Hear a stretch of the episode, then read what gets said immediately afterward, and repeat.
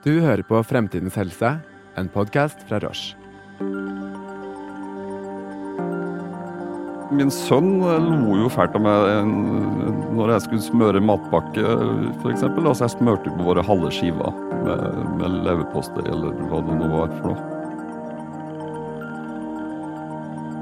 Én av ti nordmenn kommer til å oppleve at synet svikter i løpet av livet.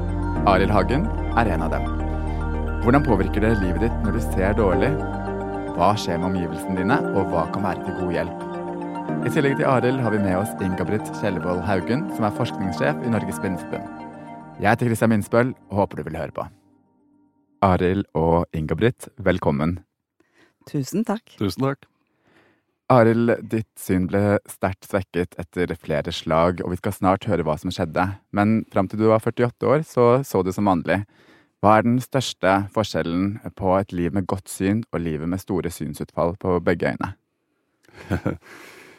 ja, det Man kan svare mye på det. Altså, nærliggende, og det mest nærliggende som kommer på, ut av meg, det er rett og slett at jeg har fått et rikelig liv. Tro det eller ei. Kan jo kanskje utdype det litt sånn etter hvert, men, men, men selvfølgelig, det har blitt veldig annerledes. Jeg må jo være mer forsiktig når jeg er ute og går, og så videre. Og, og man får ikke lov å kjøre bil, eksempel. Det er jo mange som sliter med det. På hvilken måte er det blitt rikere? Ja, for at jeg har fått lov å være en del av Blindeforbundet og få lov til å Altså, jeg har, har ikke en sånn vanlig 9-4-jobb lenger. Det er alltid litt berikende. jo, faktisk. det er jo det. Hva var det som skjedde for snart eh, ti år siden, da du var 48 år? Eh, kort fortalt så skulle jeg stå opp på morgenen sammen med min sønn og få han på skolen, som da var ni år. Eh, hadde følt meg litt dårlig en stund, men, og var sykemeldt. Så jeg kom opp til andre etasje og rett og slett måtte sette meg ned. Ble veldig dårlig. Prøvde meg igjen, prøvde, gikk på kjøkkenet, og da ramla jeg på, på kjøkkengulvet, livløs. Det viste seg at jeg hadde da fått en blodpropp i lungen som, hadde gjort, som gjorde at jeg fikk, et, fikk hjertestans, rett og slett. Så min ni år gamle, sønn da, ringte 113. Ære være han for han. Det er han som er den store helten i hele her.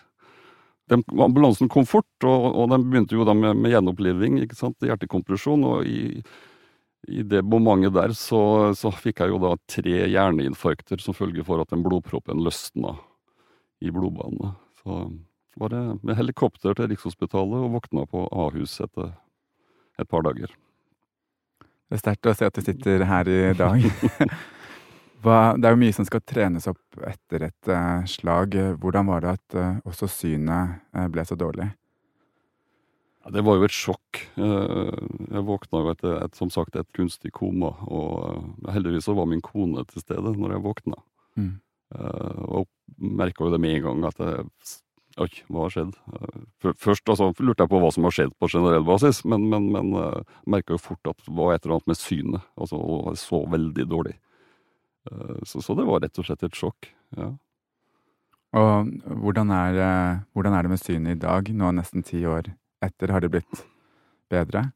Ja, synet har, blitt bedre, selvfølgelig. Uh, I hvert fall så fremstår altså, Det oppleves som bedre. Jeg tror nok ikke jeg har fått noe bedre syn sånn, sånn egentlig. Men, men pga. at jeg da har fått litt synsrehabilitering og lært meg å bruke synet, så klarer jeg meg mye bedre i hverdagen enn, enn, enn hva jeg var på selvfølgelig når jeg var på sykehuset. For da var jeg jo fullstendig hjelpeløs. Så det fins måter man kan kompensere på, eller lære å bruke synet på nytt? Kan du si litt mer om det? Det, det fins det.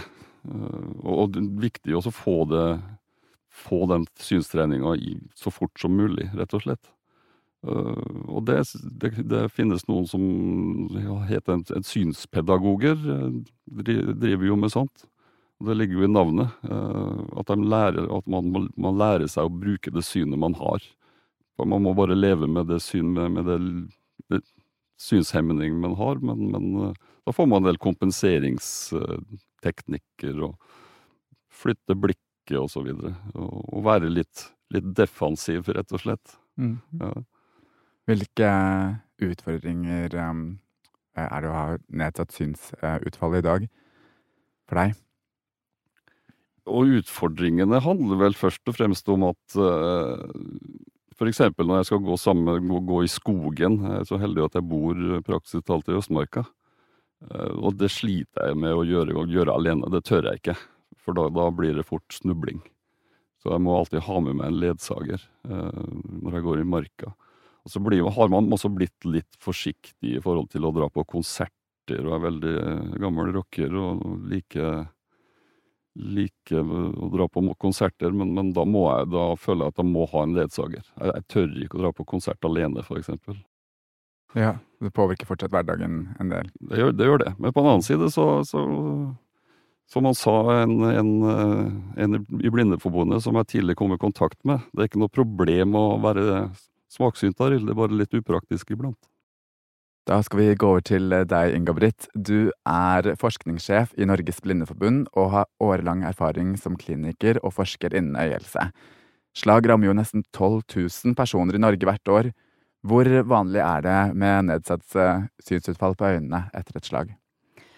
Nedsatt synsutfall, det er Det er gjort en undersøkelse som har vist at ca. 60% rapporterer at de får en eller annen form for synsutfordring etter at de har hatt hjerneslag eller skade på, på hjernen av andre slag, av andre ting, eller om det er skade, eller om det er svulst, eller hva det måtte være.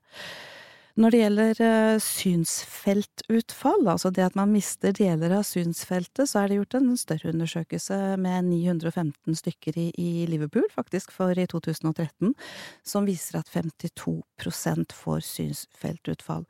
Men så er det mange andre ting som kan skje også. Ikke bare synsfeltutfall, man kan få lesevansker, man kan få tåkesyn, det kan være vanskelig å fokusere, altså denne innstillingsmekanismen på ulike avstander. Og så kan det også påvirke øyebevegelsene dine, at det kan bli vanskeligere å forflytte øynene i forskjellige retninger og samkjøre det, men også å samle blikket når du skal lese, og noen opplever til og med dobbeltsyn. Og i tillegg til det så det, kan det være vanskelig også å oppfatte synsinntrykkene, det vil si at du egentlig ser det, men hjernen klarer ikke å oppfatte at det du ser, og det er litt kjedelig hvis det er en nær pårørende, for eksempel, som du ikke klarer å oppfatte. Eller så kan det også være slik at det kan være gjenkjenningsproblemer på objekter, ansikter eller former, og, og det å tolke hva man ser, og ikke minst huske hva man ser. Så det, det er en del utfordringer, flere utfordringer enn utelukkende det med å miste synsfelt, som er en stor del av utfordringene man får, kan få etter hjerneslaget. Dette høres jo veldig vanlig ut. Eh, du nevnte nesten halvparten som kan få, få noen form for eh, synsutfordringer her. Hvorfor er det så få som vet om det? Det er faktisk flere enn halvparten. 60, 60% Ja, i hvert fall på den, de studiene man, jeg har funnet fram til. Det er klart at disse utfordringene Etter et hjerneslag så er det litt lettere å, å oppfatte eller plukke opp hvis du får språkproblemer, hvis du har motoriske problemer, en arm eller ben som ikke fungerer, osv. Synsproblemer er ofte gjerne litt mer usynlige, hvis vi skal kalle det det, så det er ofte vanskelig for pårørende selv, eller pasienten selv, og også pårørende til å oppfatte det. Og i tillegg så kan det være vanskelig for helsepersonell å avdekke det, så sant man ikke er spesifikt på jakt etter å finne ut av eh, om synet er rammet etter hjerneslag. Så, så um, derfor så er det også noe forskning som foregår nå i Norge, et stort prosjekt som heter Norvis, som også Arild er en del av som brukerrepresentant. Og det er et nettverk for hjerneslag og oppfølging av hjerneslag og syn, eh, hvor man ser på hvor systematisk man kan få det inn i forhold til helse, omsorg og opplæringstjenesten. Så det er ikke en vanlig prosedyre å sjekke synet etter slag i dag i helsetjenesten? Det, det har for så vidt stått i pakkeforløpet at man skal bør sjekke synet, men eh, nå i fjor så eh, bestemte myndighetene at man skal virkelig sjekke synet på alle pasienter, for det har vært litt sånn ulikt gjennom eh, det ganske land. Vi er et stort, langstrakt land med ulike ressurser fordelt over landet. Så ble det også bestemt da i fjor at man skal, skal henvises til synsrehabilitering hvis man har synsutfordringer som tilsier det. I Norge så er det jo nesten 320 000 personer med nedsatt syn. Hvilke utfordringer vil du si er felles eh, for de som opplever at synet svekkes? Noe av det som generelt følger med når du har litt dårlig syn, eh, mer eller mindre grad, det er jo dette med at eh, det er en økt risiko for ulykker og fall.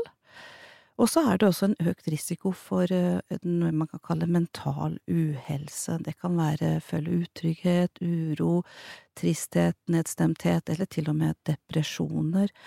Én ting er at dette kan være knyttet opp imot at det praktisk vanskelig, som Arild nevner her, det er praktiske utfordringer, men så er det også slik at en del av, eller disse nervefibrene som kommer fra øynene, synsnerven vår inn, de går inn i områder som gjør at det faktisk også kan påvirke vår mentale velvære eh, hvis man får endringer i synet.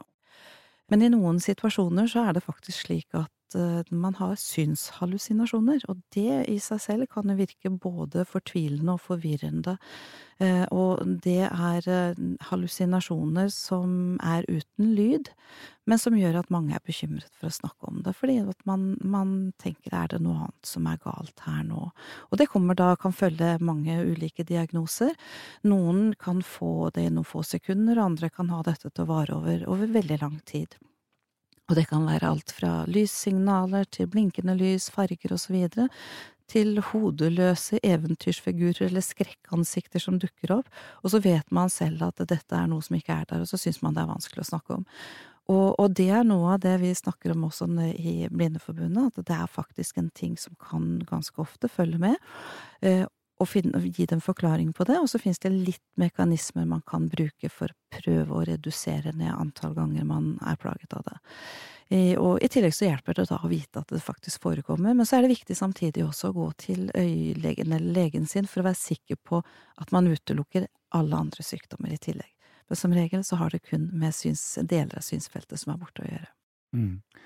Det, det, påvirker et stort spekter eh, av ting, og det å miste synet. Men eh, kan du si litt om hvordan det påvirker eh, relasjoner til pårørende eller andre også? Mitt tap av syn, rent for på grunn av nevrologiske koblinger, så kan det også eh, være med på å påvirke følelsene dine og kognitive funksjoner. Det vil si, det er ikke like lett å lære seg nye ting, eh, kanskje, hos enkelte. Konsentrasjonen kan bli litt mer utfordrende. Jeg ser Arild nikke litt borti her. og det kan være vanskelig med, med, Man har ikke den samme utholdenheten som tidligere, og det kan være vanskelig å starte nye ting eller organisere og planlegge ting. Og da kan både den som er rammet, føle seg litt lat. Men det har ikke noe med latheten å gjøre, men det har koblingen i hjernen å gjøre. Og pårørende skjønner det heller ikke. Og i tillegg så kan det også gå inn på hormonproduksjonen din, sånn at du sover dårligere. Eh, det også påvirker eh, døgnet ditt, ikke sant, men også går eh, koblinger rett opp imot kampfluktsenteret og andre emosjonelle deler som gjør at du kan bli litt fortere irritert, kanskje fortere glad, eller kanskje litt mer humørsvingninger enn det du har jo hatt tidligere, slik at det er rett å oppfatte at man kanskje har skiftet litt personlighet, og så har det egentlig med synstapet å gjøre. Og da er det viktig å vite om dette her, sånn at det, man på en måte både kan snakke med pårørende og den det gjelder om, og at dette kan være vanlige utfordringer. Egentlig så har jeg lyst til å bare følge opp litt det som Inga-Britt eh, sa eh, først. Eh, man blir også, man, man, har lyst til å si at man, det er lov å bli sliten, og man blir også sliten av å, av å faktisk være ute blant folk, for eksempel. Altså man mm. bruker utrolig mye energi på å og, og, ikke gå på ting, for å si det sånn, for å si det enkelt. Og da blir man sliten av det i seg sjøl. Og Arild, eh, du har jo engasjert deg som rehabiliteringskontakt i Norges eh, Blindeforbund, eh, og satte pris på å være en del av Blindeforbundet, sa du, når du opplevde at synet var nedsatt. Kan du si litt om hva er en rehabiliteringskontakt? Ja, en rehabiliteringskontakt er en ganske unik ordning som Blindeforbundet har. Altså Det er ikke unik i den forstand at mange organisasjoner har eh, likepersonsarbeid, men det unike er at vi faktisk drar på hjemmebesøk til folk. Eh, som folk som av forskjellige årsaker eh, mister syn. Eh, de tar ofte tar kontakt med medlemsmedlemmer, melder seg inn i Blindeforbundet. Vi får beskjed fra sykehuset ofte. Det er mange, mange måter å, å, å, ta kontakt med Blindeforbundet med på etter at du mista syn. Og da avtaler vi et hjemmebesøk, og så får vi en god prat med vedkommende, som, som er utrolig givende for, for, den du besøker, men for så vidt også veldig givende for, for meg som rehabiliteringskontakt. Jeg opplevde å få besøk av en rehabiliteringskontakt sjøl i sin tid, og det var det liksom døtta meg videre. Eh, det går an å leve godt med et synstap. Kan du si litt mer om hva disse hjemmebesøkene betyr eh, for de som har, opplever å få nedtatt syn? Det betyr veldig mye. Eh, det, det, vet jeg. Jeg treffer jo ofte folk på kurs oppe på Hurdal et, et, i etterkant av at de har hatt hjemmebesøk besøk av meg. Og, de, er, de, de, er, så glade får klemmer og Det har ikke vært så mye klemmer de siste par åra, men, men, men det betyr alt. Endelig så Og mange har jo gått og venta altfor lenge for at de tok kontakt og kom i gang. Det betyr alt for de aller fleste. De, de, de ofte, noen av dem blir også aktive i Blindeforbundet på lokallagsplan som, ofte, som regel. Så det betyr mye, absolutt. Kan du også si litt mer om hvordan det var for deg å være på disse hjemmebesøkene, Arild? Har det vært en del av din sånn mestringsevne ja, absolutt. Det var jo egentlig det første jeg begynte med etter at jeg ble medlem i Blindeforbundet. Jeg traff faktisk de rehabiliteringskontaktene på et av de kursene som jeg var, gikk på sjøl, rehabiliteringskursa, og lurte på om jeg kunne få lov til å være en del av, av dem, og det fikk jeg jo lov til. Og, så. Og det har jeg fortsatt med. Det er kanskje noe av det mest givende jeg gjør, i tillegg til interessepolitikk og fylkeslag og alt det der andre.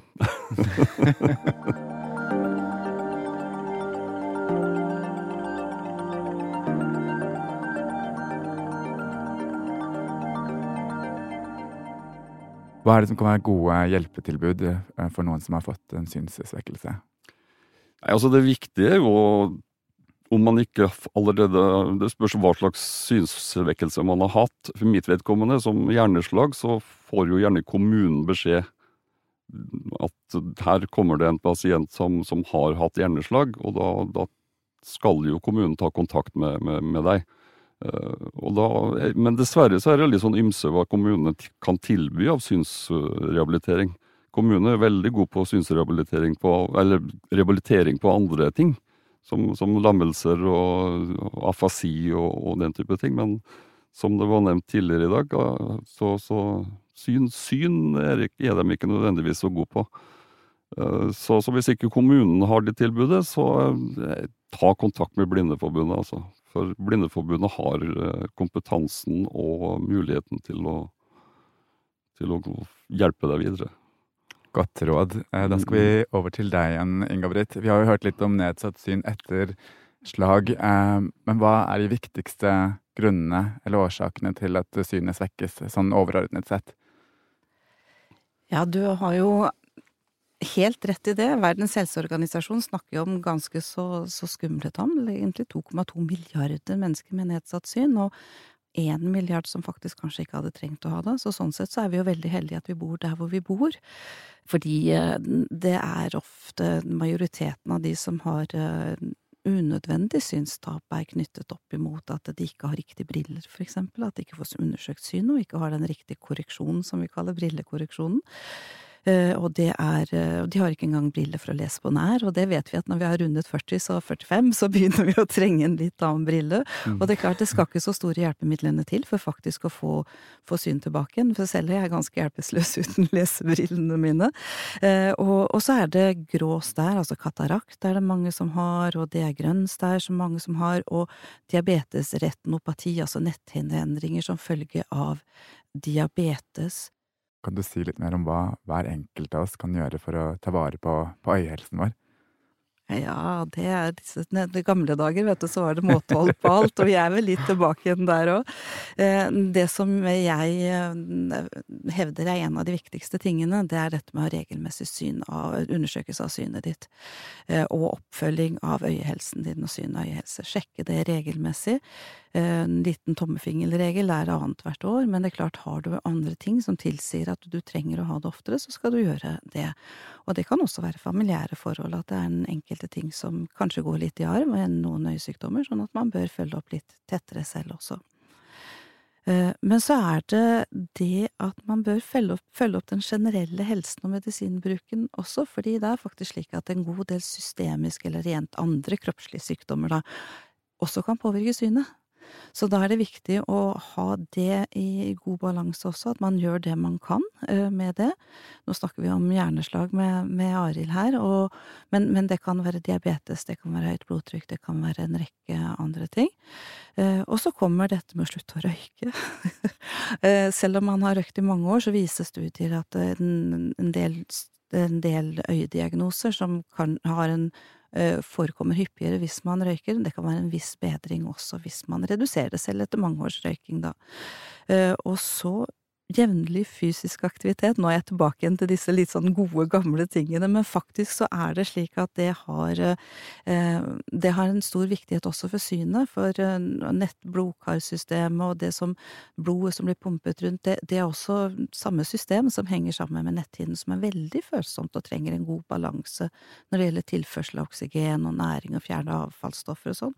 Så det, man må ta det etter egen helse. Man trenger ikke springe en maraton, men få opp blodpumpa litt med kanskje en liten, rask tur tre ganger i uka, eller sitte på stolen hvis det er det man klarer å bevege armer og ben videre. Og så kommer det neste, da, at det er sunn kroppsvekst. Det er ikke vekt, det er ikke alltid like enkelt, det heller. Og så ha et balansert kosthold. For på lik linje med at eh, hvis vi spiser mye fett og usunn mat og på jevnlig basis, så, så, vil jo det også kunne feste seg på innsiden av blodkarveggene på de følsomme områdene i øyet. Og hele øyet er for så vidt følsomt. Så det er mye man kan gjøre. Så det er mange av de gode, gamle rådene som hjelper mot uh, god øyehelse også. absolutt, absolutt. Jeg følte jeg kom litt med pekefinger her. Jeg har litt å lære selv også, men, men, men bare ha det i mente at de tingene også, det som er godt for kroppen, det er ofte gjerne godt for øyet også. Ikke sant. Det er godt å vite at man hjelper hele, hele systemet med ja. mange av de samme rådene. Arild, eh, kan du si litt om på hvilken måte er samfunnet tilrettelagt for eh, personer med svekket syn her i Norge? Nei, det er dessverre altfor dårlig. Eh, for eksempel eh, noe som heter universell utforming. Eh, politikerne snakkes varmt og stort om rundt det at samfunnet skal bli universelt utforma. Det vil si, det handler jo om både rullestolbrukere og, og folk som er blinde og svaksynte, og mange, mange flere. At, at skal være, samfunnet skal være tilrettelagt for alle. Men det er veldig langt fram, dessverre veldig mye har gjort. Eh, og kanskje på østlandsområdet så er det eh, Der er det politikere, og der har vi kommet langt i forhold til det. Men det er langt fram, langt fram i forhold til det. Eh, man opplever fortsatt bussholdeplasser eller jernbanestasjoner hvor, som ikke er tilgjengelig for rullestolbrukere, f.eks. Og det samme, Mange blinde og svaksynte er veldig redd for å ta bussen, rett og slett for at man vet ikke hvor man skal, og vet heller ikke hvor man skal gå av. Eh, så det å få tale i bussen innvendig og utvendig f.eks., det er viktig. Mm. Eh, det er helt klart. Og, og, så er det en annen sak i forhold til eh, arbeid. Jeg tror Mange arbeidsgivere tror jeg er livende redd for å, for å ansette en, en synshemma fordi at de tror det er så vanskelig, veldig vanskelig. Og det betyr jo at altfor mange er ufrivillig uføre i, i vår gruppe, nettopp på grunn av det at vi kan ha god utdanning, vi kan ha stor kompetanse på, på både det ene og det andre, men vi får altså ikke jobb. Eh, så der er det langt fram. Eh. Mm. Er det både på, eh, med kunnskap og tilrettelegging, eller tror du det er mest med det at folk ikke helt vet nok om hvordan man kan bidra hvis man har nedsatt syn? Ja, egentlig alt. Mm. Både kunnskap og tilrettelegging. Det, det, skal ofte bare en liten tilrettelegging eh, til for, for at du fungerer i, i P, på, jobben på PC, f.eks. Så, det, så fungerer det aldeles utmerket som, eh, som, helt blind. Det kan bare ta en tur opp i hovedkontoret til Blindeforbundet, så, så ser vi det. Mm. Så, så det, det, er nok også litt holdninger at hvis man opplever at synet svekkes, eh, hva er det man burde gjøre da? Det første du bør gjøre, er hvis det skjer veldig fort. Eh, så det er jo det som er noen av utfordringene av og til da med en del øyesykdommer og øyetilstander, det er jo at det går litt gradvis på, og derav også kan være litt, litt usynlig. Ved hjerneslag så kommer det da gjerne knyttet opp imot den opplevelsen som, som Arild har snakket om her. Men, men, da er det viktig å be om hjelp og søke om hjelp, og enten du tar kontakt med fastlegen din, eller om du allerede er i er under eh, oppfølging av en øyelege, eller gå innom optikeren din, som ikke da stiller diagnose, men da kan henvise direkte til øyelege også, ut ifra de funnene man får der. Så det er viktig å bare få sjekket opp. Eh, og sitter du da igjen med litt ekstra spørsmål og sånn, så er det bare å ta telefonen til Norges Blindeforbund. Jeg får en god del telefoner direkte til meg også. Eh, og som sagt, enten du er medlem eller ikke, nå velger mange å bli det etter hvert, da, fordi at de ser at det er mye positivt med det. Og så er det viktig det å, å få de signalene som faktisk, som Arild sier, at det kan gå veldig fint likevel, hvis man bare får opplæring i å bruke synene og sansene dine på en litt annen måte. Så sier mange at man får livskvalitet og, og det sosiale livet litt tilbake igjen, som man kanskje trodde man mistet sånn innledningsvis. Mm. Arild, eh, hva vil du si til de som lever med nedsatt syn, eller som lever sammen med noen med nedsatt syn og føler seg ganske alene om dette?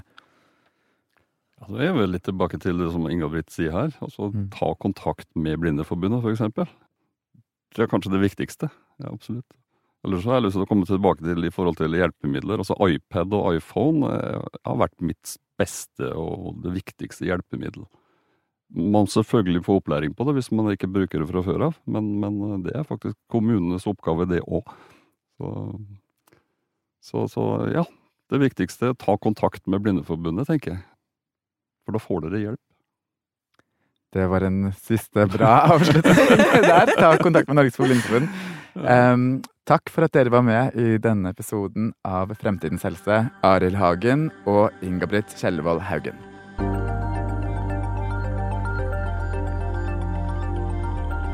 Takk for at du lytter til Fremtidens helse, en podkast fra Roche. Abonner på denne podden for å høre mer om hvordan din og min helsetjeneste er i dag og hva vi håper på for fremtiden.